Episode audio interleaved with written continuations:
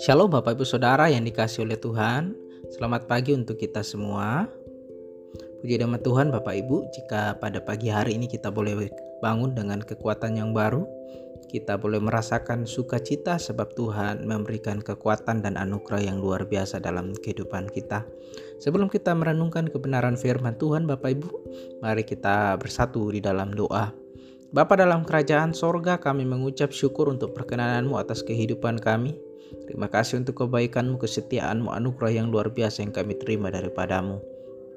Ya Tuhan Allah kami yang luar biasa, pada pagi hari ini kami mau mendengarkan firman-Mu, urapi pemberitaan firman-Mu, biarlah kami boleh sekalian mengerti dan juga menjadi pelaku kebenaran firman Tuhan yang hidup. Terpujilah nama Tuhan di dalam nama Yesus. Haleluya. Amin. Bapak Ibu yang dikasih oleh Tuhan, hari ini renungan kita kita ambil dari Matius pasal yang ke-20 Bapak Ibu dan Matius pasal yang ke-20 ini terdiri dari 34 ayat dan 4 perikop Bapak Ibu. Hari ini kita akan melihat bersama-sama dan belajar dari setiap perikop ada hal-hal penting yang kita sebagai orang percaya perlu lakukan. Nah, Bapak Ibu Saudara, perikop yang pertama adalah perumpamaan tentang orang-orang upahan di kebun anggur Bapak Ibu dan itu kita bisa melihat dalam Matius pasal yang ke-20 ayat yang pertama sampai ayat yang ke-16. Bapak Ibu bisa baca nanti dan saya akan meringkaskannya untuk Bapak Ibu. Jadi dalam perikop ini Yesus mengumpamakan kerajaan sorga seumpama orang orang yang sedang bekerja di kebun anggur.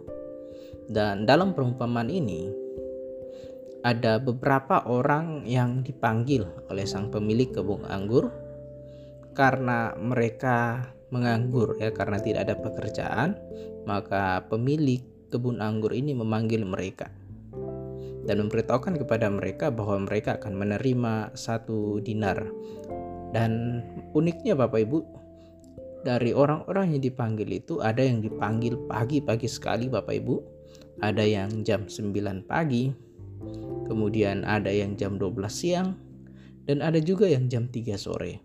Nah, kemudian dalam perikop itu pada malam hari semua pekerja dipanggil dan pemilik kebun anggur pun membayar kepada mereka sesuai yang dijanjikan.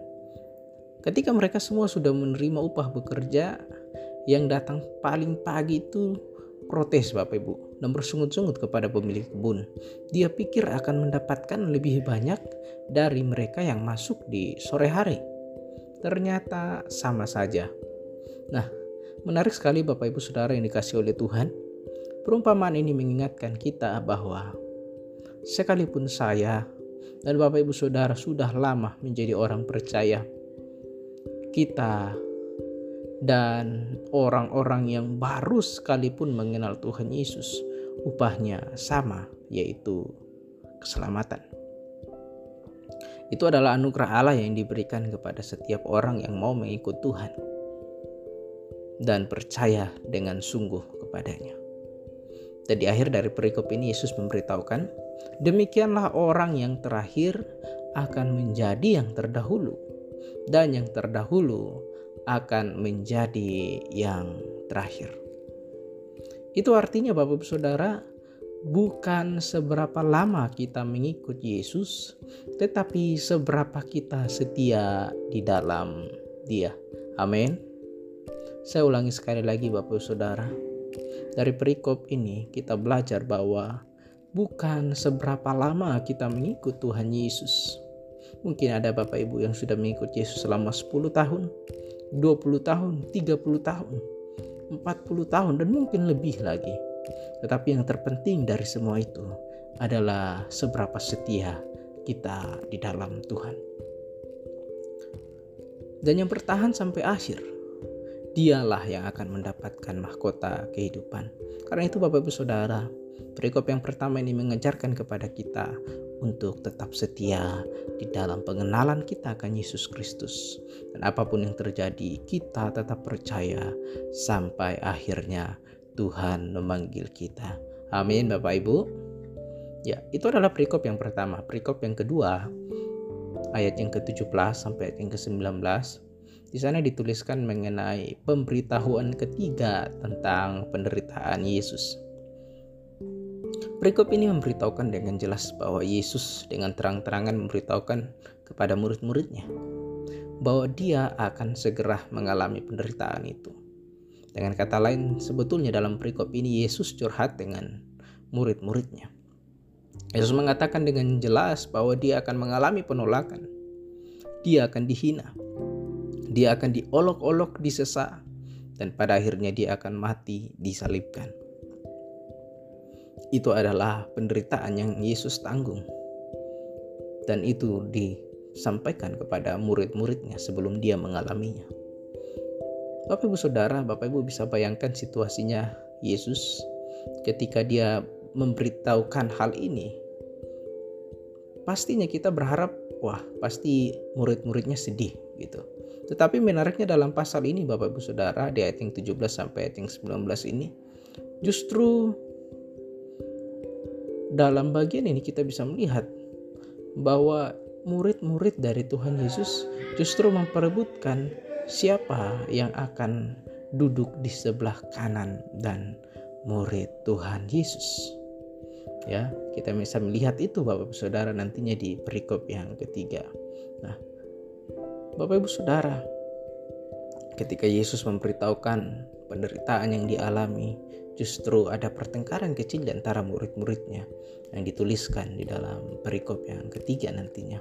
Tetapi dari perikop yang kedua ini Bapak Saudara, kita belajar bahwa harga yang dibayar oleh Tuhan Yesus itu adalah sesuatu hal yang luar biasa. Keselamatan itu Bapak Ibu kita peroleh dengan pengorbanannya yang sungguh ajaib. Dia mau mengalami semua itu demi saya dan Bapak Ibu. Karena itu Bapak Ibu Saudara, ingatlah bagian ini bahwa keselamatan yang diberikan oleh Tuhan kita itu sungguhlah suatu hal yang luar biasa dan jangan pernah tukar keselamatan itu dengan apa pun juga.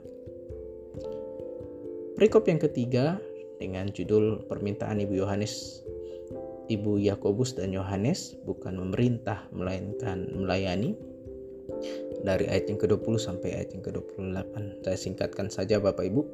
Ibu Yakobus dan Yohanes ini datang kepada Yesus dan meminta supaya kedua anaknya itu ditempatkan di sebelah kanan dan kiri Yesus ketika Yesus datang sebagai raja.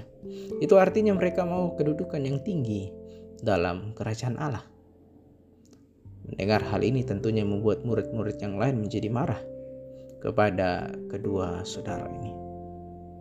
Tetapi Yesus memanggil mereka dan mengatakan kepada mereka bahwa kerajaan Allah berbeda dengan kerajaan dunia ini. Dan pemerintahan Allah berbeda dengan pemerintahan dunia. Yesus dengan tegas mengatakan, "Tidaklah demikian di antara kamu. Barang siapa ingin menjadi besar di antara kamu, hendaklah ia menjadi pelayanmu. Dan barang siapa ingin menjadi terkemuka di antara kamu, hendaklah ia menjadi hambamu. Sama seperti anak manusia datang bukan untuk dilayani, melainkan untuk melayani dan untuk memberikan nyawanya menjadi tebusan bagi banyak orang. Saudara-saudara yang dikasih oleh Tuhan, firman ini mengingatkan kita betapa kasih Allah yang begitu besar dicurahkan bagi kita.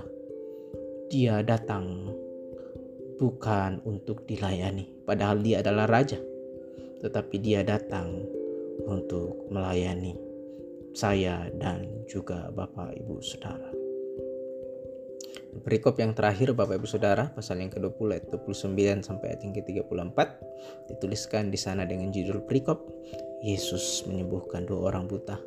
Perikop terakhir dalam pasal ini menuliskan salah satu mujizat yang dikerjakan oleh Yesus di mana Yesus menyembuhkan dua orang buta yang berseru kepadanya. Kedua orang buta ini berseru kepada Yesus, "Tuhan, anak Daud, kasihanilah kami." Sekalipun orang banyak menegur agar kedua orang ini diam, tetapi mereka tetap berseru kepada Allah, bahkan makin keras.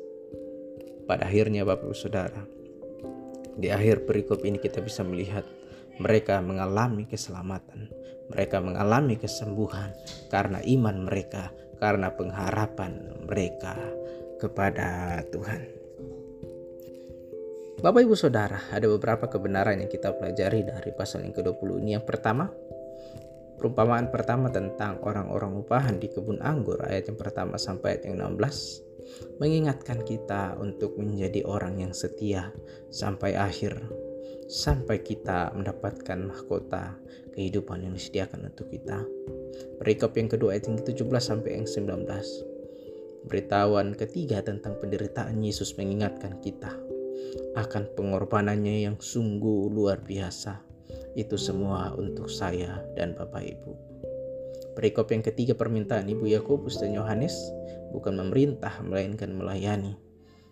Mengingatkan kepada kita Tuhan mau saya dan juga Bapak Ibu sama seperti Yesus yang datang bukan untuk dilayani tetapi untuk melayani. Demikianlah kita menjadi orang-orang percaya dan perikop yang keempat Yesus menyembuhkan dua orang buta itu mengingatkan kepada kita memiliki iman yang penuh dan pengharapan kepada Allah sampai kita mengalami mujizat. Bapak Ibu Saudara keselamatan yang disediakan Allah untuk kita merupakan pengorbanan yang luar biasa dari Yesus Kristus. Allah mau kita tetap setia, tetap berharap dan hidup melayani Tuhan. Tuhan Yesus memberkati kita semua. Mari kita berdoa. Bapa dalam kerajaan sorga kami mengucap syukur untuk anugerahmu yang besar dalam kehidupan kami. Terima kasih ya Tuhan untuk pagi hari ini kami boleh bangun kekuatan baru, kekuatan yang kau berikan kepada kami untuk menjalani sepanjang hari ini. Hambamu berdoa menyerahkan dalam tanganmu, pimpin setiap anak-anak Tuhan yang mendengarkan ya Tuhan untuk rekaman ini. Biarlah kami boleh senantiasa menikmati kebaikan kemurahan Tuhan di sepanjang kehidupan kami. Terpujilah namamu yang kudus di dalam nama Yesus. Haleluya, haleluya. Amin.